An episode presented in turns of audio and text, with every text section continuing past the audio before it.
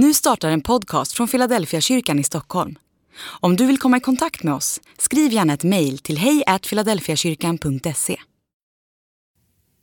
Dag 195. Hur kommer man till insikt? Lärjungasystemet var en vanlig praxis på Jesu tid. Lärjungen skulle fungera som en sorts extern hårddisk långt före vårt tekniska tidevarv. En lärjunges uppgift var att lyssna till sin mästares undervisning, lära sig den utan till och förmedla den vidare till andra. När man läser om hur Jesus kallar sina lärjungar så förstår man att de bestämmer sig för att följa Jesus och för att försöka ta reda på vem han är och vad han har att säga.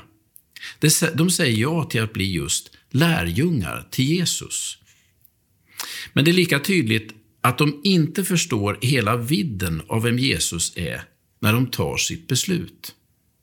Deras frågor och reaktioner tyder på att de bara hade uppfattat en liten del av vem Jesus var, eller att de till och med hade fattat fel.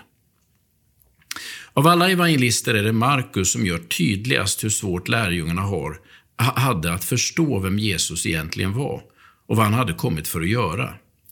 Ändå lät Jesus dem vara med.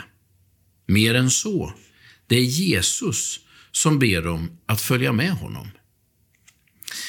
När, de till, när det till sist går upp för lärjungarna vem Jesus är, så är det inte deras egen förtjänst att de fattar.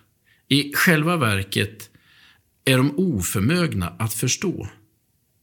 Det är Gud själv som uppenbarar Jesu verkliga identitet för lärjungarna. Men även det går i etapper.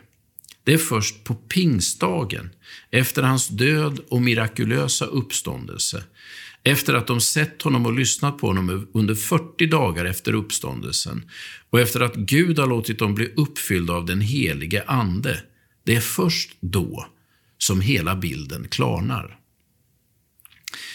Vilken slutsats kan man dra av att det är på det här sättet med lärjungarna och deras förståelse av Jesus? Djupast sett är det bara Gud själv som kan ge oss insikt om vem Jesus är och vad han betyder. Vår egen tanke kan hjälpa oss en bit på vägen, men det är Gud själv som måste uppenbara sig för oss.